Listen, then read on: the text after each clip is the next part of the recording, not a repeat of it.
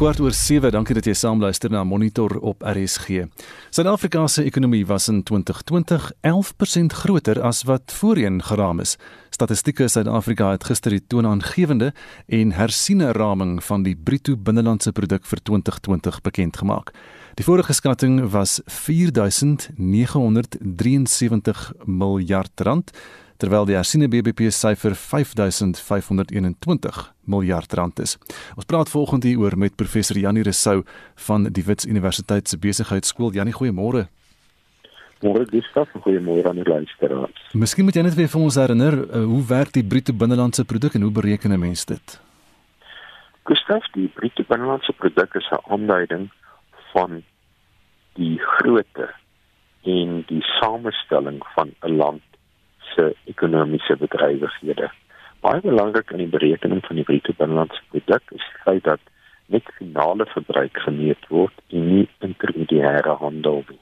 Die bruto binnelandse produk is nie 'n aanduiding van omset in die ekonomie nie, maar van wat ons ekonomie noem finale toegevoegde waarde. Om 'n eenvoudige voorbeeld te gebruik, as 'n koringboer koring aan 'n meule verkoop om gemaal te word om brood mee te bak, sal die verkoop van die koring aan die meule nie by die BBP ingesluit word nie, maar die brood wat gebak word en geëet word, sal by die BBP ingesluit word. Die ander belangrike punt natuurlik is dat BBP syfers beste ramings is. Dit is nie akkurate syfers nie. En BBP syfers is ons gister gesien het tot 10 jaar na die tyd van hersiening onderworpe is. Interessant, as ek dit net kan noem, as 'n terloopse opmerking, dat die inflasiesyfers nooit hersien word nie, omdat inflasiesyfers in kontrakte, loonaanpassings en so meer gebruik word. Dit sal chaos veroorsaak as hulle ooit hersien word. Maar BBP syfers word gereeld hersien omdat dit die beste raming is. So wat was ekonomiese ekonome soos jy se verwagting van wat in gister gebeur het, het hulle gedink dit gaan so groot uh, verskil wees? Gustav, ja, ons het almal verwag daar gaan hersienings wees. Die omvang van die hersiening of dit nou baie groot is, soos ons sê die BBP is nou 11% groter as wat voorheen geraam is, maar dit is 'n 10 jaar hersiening. So 11% groter of 11% kleiner oor 'n 10 jaar hersiening is iets wat mens kan verwag. Die meer belangrike aspek egter met die groter BBP is alle ramings wat as presentasie van die BBP uitgedruk word natuurlik nou onderhewig aan hersiening. Dis interessant, so dit is soos 'n blik in die geskiedenis in en kan jy sê wat is dan die grootste drywers gewees van hierdie jongste syfer wat het dit hoër gemaak?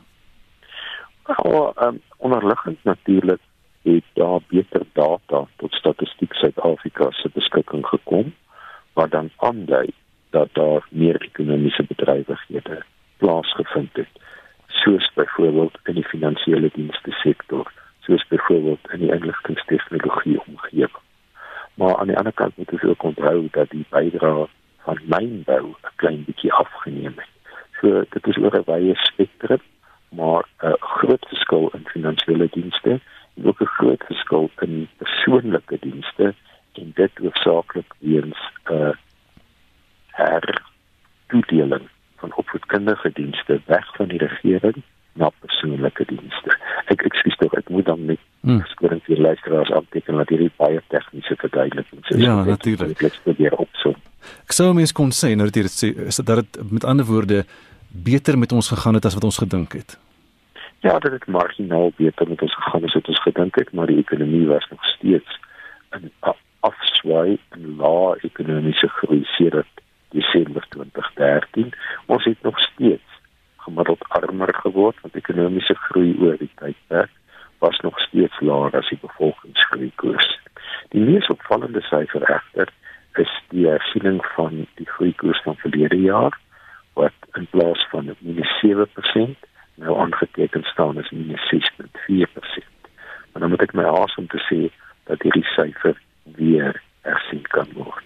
En is natuurlik as gevolg van die COVID-19 pandemie verlede jaar se se inkrimping daar. Hoe sou dit gegaan het sonder die pandemie? Sonder die pandemie sou die ekonomie waarskynlik iewers tussen 0 en 1% gegroei het. Wat baie sou gehelp het positiewe ekonomiese groei is altyd beter as negatiewe ekonomiese groei. Dit is natuurlik ook die regering se help met, meer belastinginkomste. Jy praat van beter data wat hulle gehad het en die nuusverklaring praat spesifiek dan van verskillende patrone van produksie en dat die metodologie daarvan dan nou verbeter is. Wat beteken dit presies? As ek gesê het, uh, meer data kom oor tyd beskikbaar en uh nuwe uh produksiemetodes kom na vore in die ekonomie. So byvoorbeeld is uh, baie dienste wat deur individue gelewer is 30 en 40 jaar terug vandag rekenaar gebaseer. Hmm. En dit dit beteken die data word beskikbaar. Ek wil net 'n ander interessante opmerking ook maak.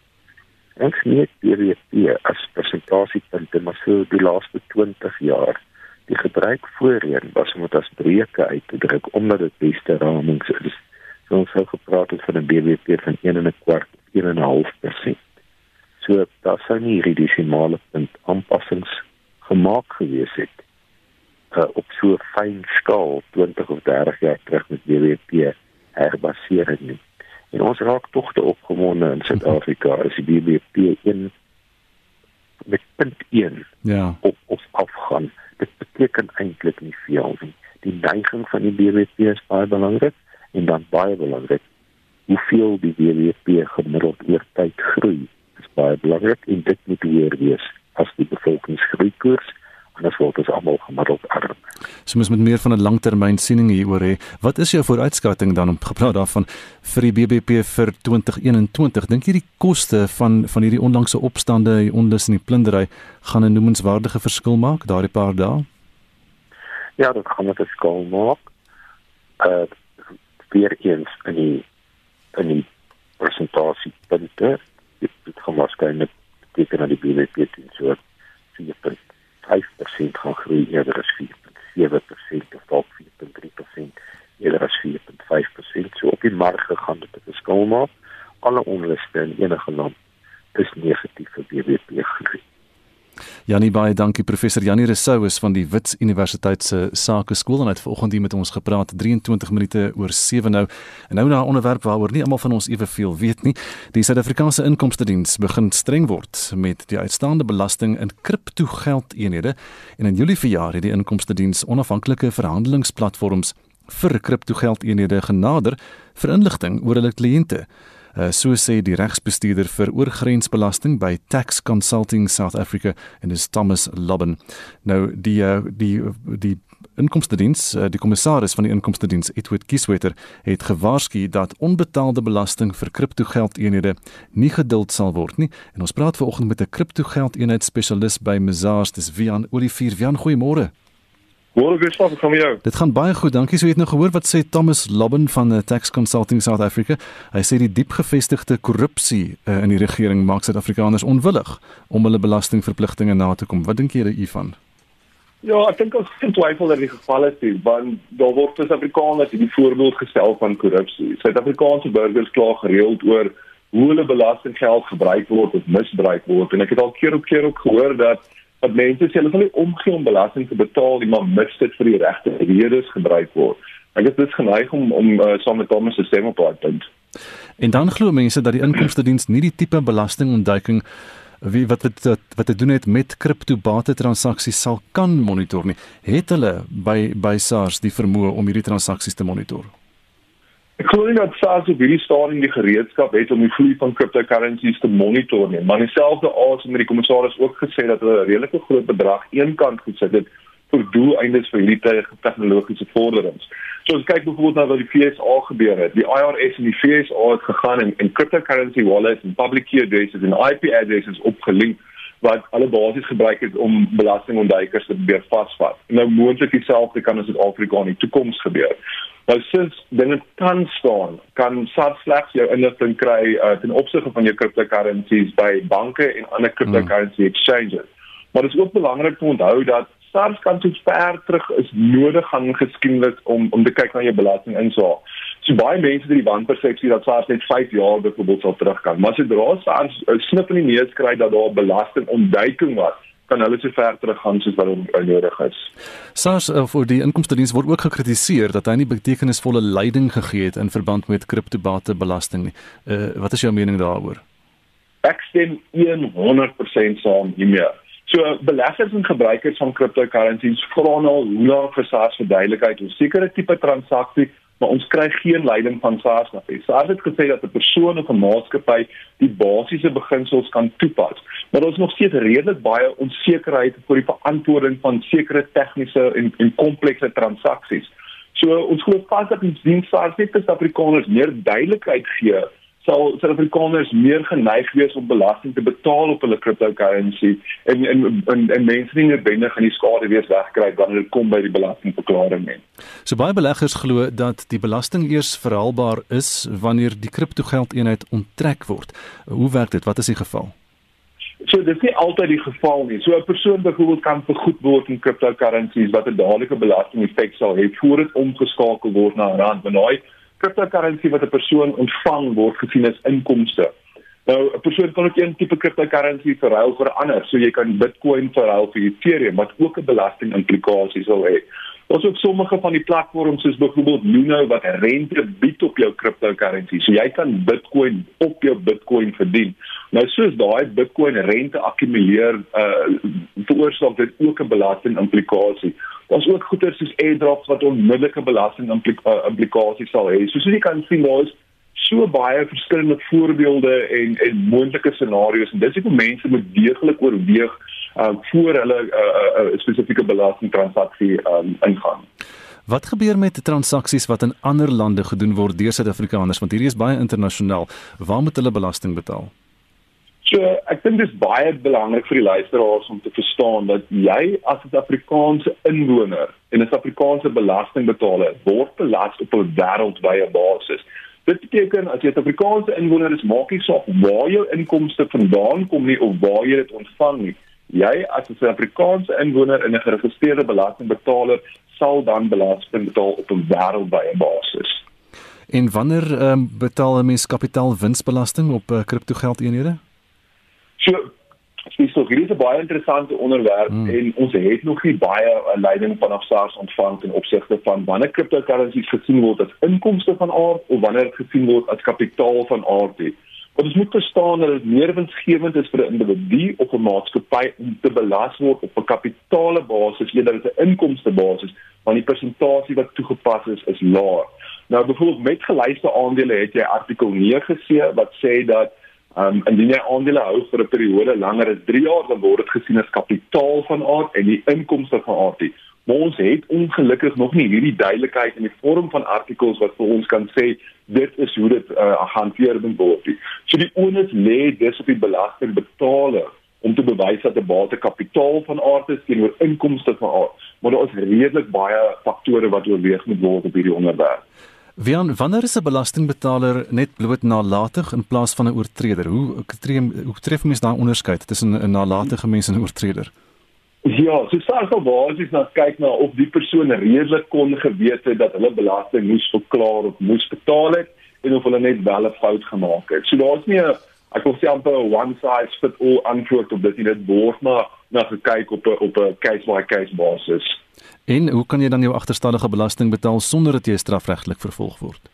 So SARS maak voorsiening vir 'n uh, 'n tipe van 'n ooreenkoms, 'n VDP ooreenkoms wat staan vir Voluntary Disclosure Program. Waar belastingbetalers basies na SARS kan gaan en 'n kaart op die tafel sit en sê ek het vergeet om hierdie en hierdie en hierdie te verklaar. Ek wil dit graag regstel. So dan kan jy in een van hierdie VDP's intree met SARS. Maar dit is ook baie belangrik om te weet dat belastingbetalers nie die roete van 'n VDP kan volg indien SARS reeds begin ondersoek instel oor 'n sekere belastingsaak op 'n spesifieke belastingjaar.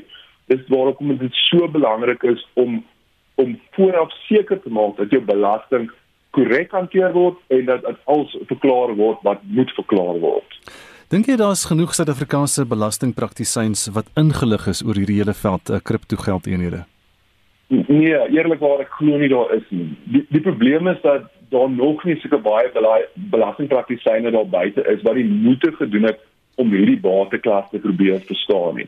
ook bygesê die industrie beweeg redelik vinnig in teen 'n redelike tempo en dit maak dit verskriklik moeilik om by te bly met hoe die tegnologie vorder.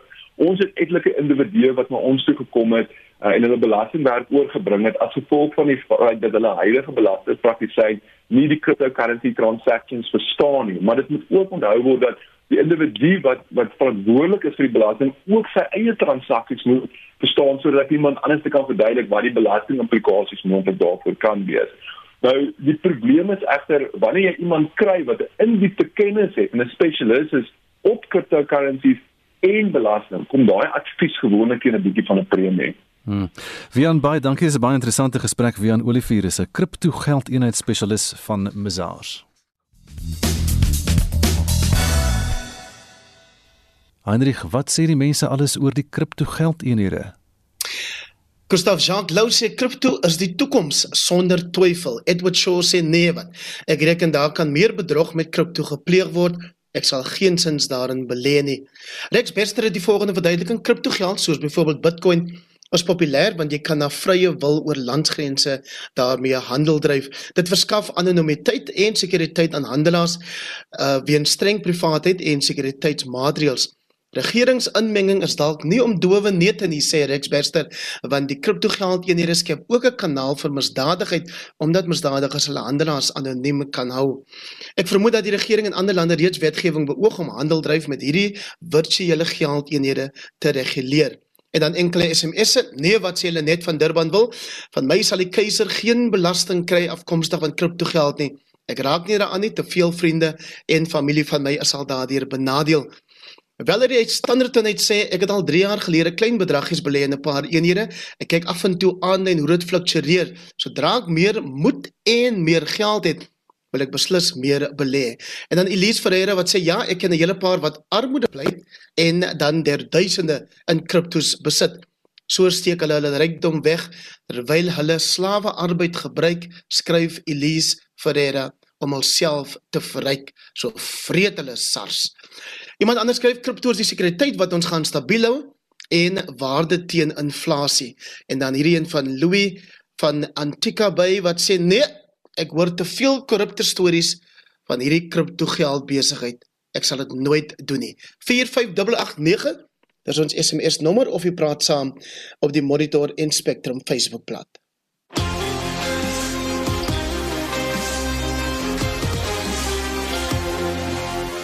Ons beweeg na die sportveld. Hier is Shaun Jooste. In vanoggend se verslag, Engeland beleef 'n uitstekende eerste dag in die derde toets teen Indië. Die BMW Kampioenskappe slaan vanmiddag af en gister se DStv Premier Liga uitslaa. Engeland het die derde toets in hulle tuisreeks teen Indië op uitstekende wyse begin toe hulle die besoekers vir net 78 lopies in hul eerste beurt uitgeboonder het.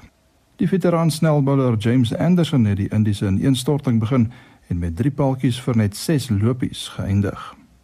Die Engelse aanvangskolwers het dus sterk gestaan en die dag op 120 sonder verlies gesluit. Engeland het 'n eerste beurt voorsprong van 42 lopies na dag 1. Paralimpiese spele nuus. Dag 2 van die Paralimpiese spele in Tokio is aan die gang.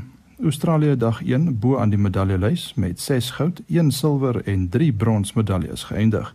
China was tweede met 5 goud, 1 silwer en 2 brons en die Russe derde met 3 goud, 1 silwer en 2 brons medaljes. Op die golfbaan slaan die PGA Tour se voorlaaste toernooi, die BMW Kampioenskappe, vanmiddag 3 uur in Illinois af. Die veld bestaan uit die top 70 spelers op die FedEx beker ranglys en sluit die wêreld se top 3, Gonran van Spanje en die twee Amerikaners Dustin Johnson en Colin Morikawa in. Die vier Suid-Afrikaners wat vir die toernooi gekwalifiseer het, is Louis Oosthuizen, Erik van Rooyen, Brandon Grace en Charles Schwartzel. Die Europese Meesterstoernooi begin 8uur in Switserland. 14 Suid-Afrikaners neem deel en dit sluit Dean Burmester, George Coetzee, Darren Figart, Justin Harding, Wilco Ninaber en Daniel van Tonderen. Sebastian Soderberg van Swede was die wenner in 2019. En dan begin die sonskynreeks se Vodacom oorsprong van golftoernooi 8 uur in Kato in die Noord-Kaap. Van die bekende name in die veld is Jaco Alers, Johnny Hu, Henny Otto en Jaco Prinsloo. Prysgeld is 1 miljoen rand. En laastens in sokkernuus. In gister se DStv Premier Liga wedstryde het SuperSport United 3-1 met Golden Arrows en Kaizer Chiefs 2-1 met Baroka FC afgereken. Stellenbosch FC het ook 1-0 teen TS Galaxy gewen. Cape Town City het 2-1 in 'n wegwedstryd teen Royal AM en Sekhukhune 2-0 ook in 'n wegwedstryd teen Maritzburg United geseëvier. Die kragmeting tussen AmaZulu en Morocco Swallows kon geen doele oplewer nie. En ons herinner graag dat die groepe vir die 2021-22 Europese Kampioenligga vanaand 6uur Suid-Afrikaanse tyd bekend gemaak word. 32 spanne sal uitvind teen wie hulle in die groepsfase kragte meet. Die Engelse klub Chelsea is die verdedigende kampioene. Die loting vind in Turkye plaas. Shaun Schuster, SABC Sport. Dis 21 minute voor 8 van sportnuus na die res van die wêreld. Amerika, Australië en Brittanje waarsku sy burgers in Afghanistan daarteen om na die lughawe in Kabul te reis weens 'n beweerde hoë risiko van 'n terreuraanval. Marlene Forsie sluit nou by ons aan met die jongste hieroor. Môre Marlene. Môre Gustaf, die BBC spesialis verslaggewer op die gebied, Nomia Iqbal, sê die bedreiging is ISIS-K of ISIS-K. Dis 'n terreurgroep wat beskou word as die Taliban se vyand. This is the Afghan version of the so called Islamic State. It's made up of former Taliban members. ISIS K and the Taliban are actually sworn enemies. The US intelligence officials and the US military are concerned that ISIS K could carry out attacks at the airport. They have carried out several attacks across Afghanistan this year, which is why this threat is so serious. I suspect this is why the US has struck this extraordinary deal with the Taliban, because the Taliban don't want ISIS K to take over in any shape or form. So, this is why the US will probably be relying on the Taliban to help them Intussen wag minstens 10000 mense by die lughawe om land uit te vlug voor die sperdatum van 31 Augustus. Minstens 82000 mense is sover ontruim, maar duisende buitelanders en Afghaanse inwoners wat vir die weste gewerk het, is nog in die land en vrees vir hul lewens. Die Taliban sê egter dat buitelanders en landsburgers toegelaat sal word om die land te verlaat na die sperdatum. Ons verskuif dan die aandag na um, Sentraal-Rusland waar bosbrande brande buite beheer voortwoed, minstens 18 miljoen hektaar grond is reeds verskroei. En brandbestryders beskryf dit as 'n vreesaanjaende situasie. Когда наступила ночь, Деревья, которые уже... The flames were rising up to 30 to 40 meters. It was absolutely horrible. The wind was whooshing, blazing pieces of wood were flying around just 100 to 150 meters away. It was a storm of a fire, a storm of ashes and smoke. Die brand word toegeskryf aan buitengewoon hoë temperature in die land. Nou Spanje, Italië en Griekeland het ook deurgeloop onder buitengewoon erge brande die seisoen. Die verskynsels het gelei tot die volgende waarskuwing van die Griekse premier Kyriakos Mitsotakis. We recognize that dealing with the climate crisis is forcing us to change everything. The way we produce agricultural products, how we move around, how we generate energy, and the way we build our homes. Everything must change in this immense effort to mitigate the impact of the climate crisis to whatever extent possible. 'n Verslag oor die stand van klimaatsverandering deur die Amerikaanse Vereniging van Weerkunde toon intussen dat temperature in Antarktika hoër is as wat dit nog ooit was sedert opnames in die jaar 1900 begin is. Nou professor Will Stephen van die Australiese Klimaatraad sê dit is hoogs onwaarskynlik dat dit nie aan klimaatsverandering toegeskryf kan word nie. You can look at long term observation records in Europe, around the world, and so on, and see how often events like this happen. What we see now are these events are not only occurring far more frequently, they're becoming more extreme. Extreme heat has higher temperatures, more area fires are burning, extreme rainfall is becoming even more intense. And the only plausible explanation is the fact that climate change is driving this change. Die VN waarsku boonop dat minstens 700 miljoen mense in die volgende 100 jaar weens klimaatsverandering verplaas kan word. Nuus van 'n ander aard nou en hierdie is baie interessant. 'n Nuwe benadering tot beskerming teen malaria in Afrika kan sterftes en siekte weens hierdie virus met minstens 70% verminder. Ja, navorsing wat gepubliseer is in die New England Journal of Medicine toon dat die voorkoms van die virus in kinders onder die ouderdom van 17 maande drasties kan verminder wanneer hulle enstof ontvang saam met ander voorkomende medikasie. En dis nou voordat die malaria seisoen begin. So wat 6000 kinders in Burkina Faso en Mali het deel gevorm van die navorsing. Marlene Forsie met 'n oorsig oor vanoggend se internasionale nuusgebeure hier teen 17 minute voor 8 by Monitor nou die regterlike dienskommissie soek redes by die Wes-Kaapse regterpresident John Slope oor hoekom hy nie geskort moet word nie. Die kommissie het besluit dat hy in 'n staat van beskuldiging geplaas moet word omdat hy twee ander regters onbehoorlik sou probeer beïnvloed het. 'n Regskenner advokaat François Botha gee nou sy reaksie hierop. François, goeiemôre. Goeiemôre. Kan jy vir ons net vinnig verduidelik wat is die agtergrond van hierdie saak net so kortliks opgesom? Dit is 13 jaar sedert regters Bessen Kabinde en Chris Jafta klagtes teen regter John Slope gelê het nadat hy hulle na bewering onbehoorlik beïnvloed het in 'n saak waar president Zuma een van die sentrale figure was en daardie klagtes het gelei tot wat die regtelike dienskommissie nou 'n bevinding oor gemaak het. En watter refleksie het dit op die regbank as so 'n aanklag teen 'n regter en veral teen 'n regter-president gemaak word? Dit is die eerste keer in ons land se regsgeskiedenis dat 'n regter in 'n staat van beskuldiging geplaas word. Dit is daar's twee aspekte wat daarmee verband hou. Een, dit demonstreer dat 'n regter nie sonder meer homself kan skuldig maak aan wangedrag en daarmee kan wegkom nie. En twee, dit reflekteer nie goed op die regbank waar daar beskuldigings is dat 'n regter, veral 'n regter-president, dienende regters van die konstitusionele hof onbehoorlik behoor, uh, be, um, probeer beïnvloed het nie. Hoekom het dit so lank geneem om by hierdie punt te kom? Die wiele van geregtigheid draai stadig, maar ek is bevrees in hierdie geval het dit te stadig gedraai. Die regtelike dienskommissie kon in my opinie 'n bietjie meer gedoen het om hierdie saak vinnig tot vinniger tot 'n punt te dryf en dit is dit is jammer dat dit so lank gevat het, maar dit is wat dit is. So wat is die straf wat Sloppe in die gesig staar as hy nou skuldig bevind sou word? As ehm um, regterpresident Sloppe deur die parlement um, skuldig bevind word aan grove wangedrag, dan word hy van sy van sy ampt verwyder en 2/3 van die parlement moet daarvoor stem. Ek is bevrees dat die parlement sal nie sonder meer 'n bevinding van die regtelike dienskommissie ongedaan maak in hierdie omstandighede nie. Stem jy saam met um, met die strafregkenner Dr. Eh, Llewellyn Kaloos dat dit die begin van die einde van Sloppy se loopbaan nou hier is?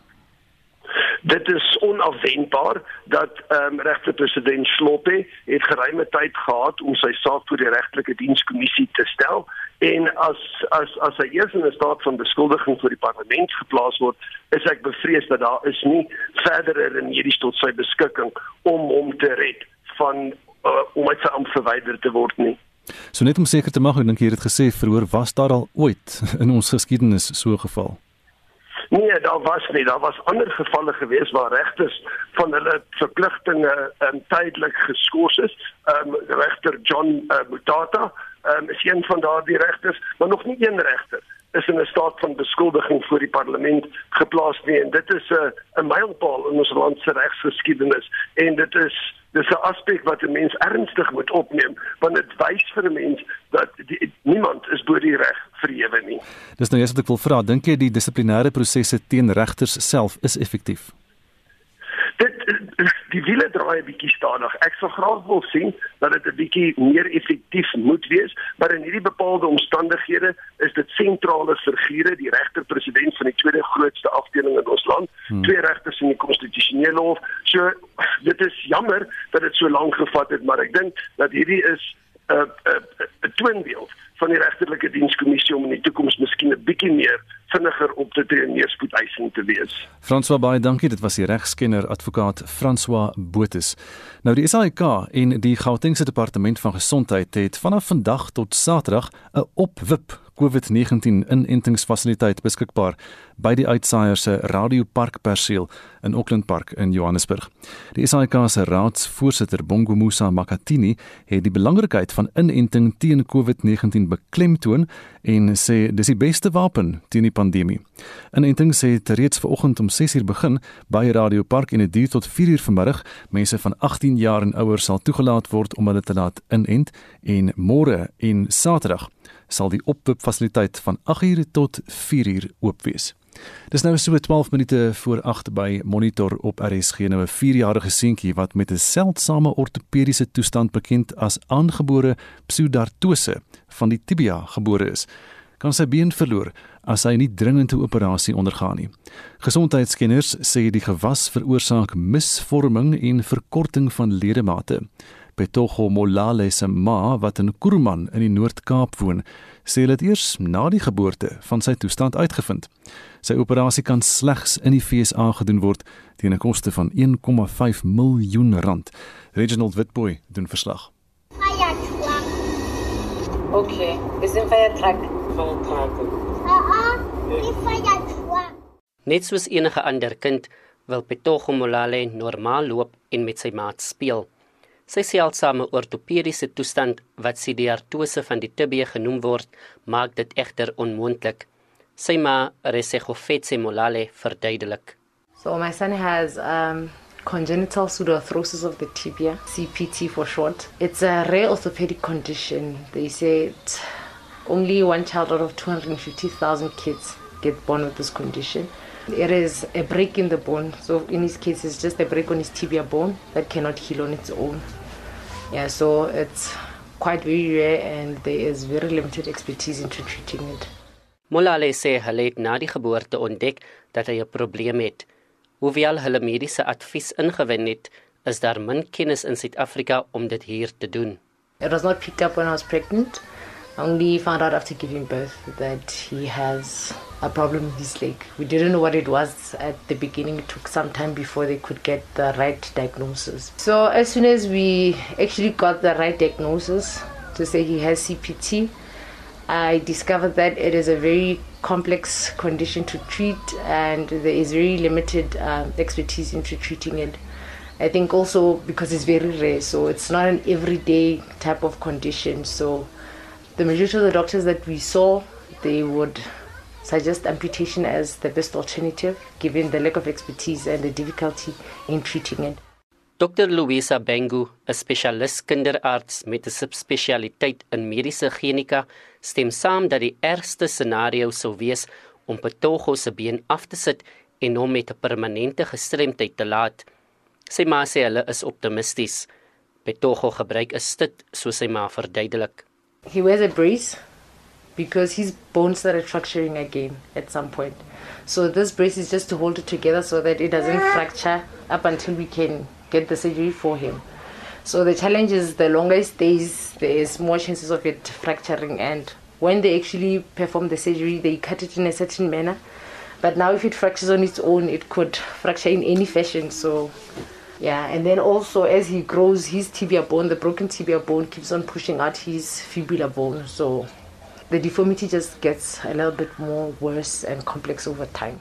Molale het navorsing gedoen en 'n dokter in die Verenigde State raakgeloop wat die operasie kan uitvoer. Dit sal 1,5 miljoen rand kos om geld in te samel vir hierdie lewensveranderende operasie vir haar kind. Het sy besluit om 'n veldtog op sosiale media te begin genaamd Jalpetogo Walk om geld in te samel. Tot dusver was die reaksie positief, maar hulle benodig steeds meer geld. It varies. um, it's a little bit quiet now, but at the beginning, yes, we got a good response, and we've managed to raise seven hundred and sixty thousand so far. So we are short. We're just about what fifty six percent of the target. So we are short of another seven hundred and forty thousand. Yes. Molale sê sy is steeds optimisties dat haar kind normaal sal loop en hoop dat barmhartige Samaritane haar klein Petogo sal help. Vereers gaan hulle voort met die veldtog wat hulle op sosiale media begin het. Ek is Reginald Witboy in Kuruman in die Noord-Kaap. Heinrich, wat sê die mense alles oor die kriptogeldeenhede? Gustav, kom ons luister net eers na hierdie stemnotas. Gerard hier uit die Kaap uit. Die mense wat dink cryptocurrencies is 'n foefie, gaan 'n groot fout maak. Crypto is die gevolg van blockchain technology en blockchain is die nuwe tegnologie soos internet 20, 30 jaar terug. Dit is net iets wat net gaan weggaan nie.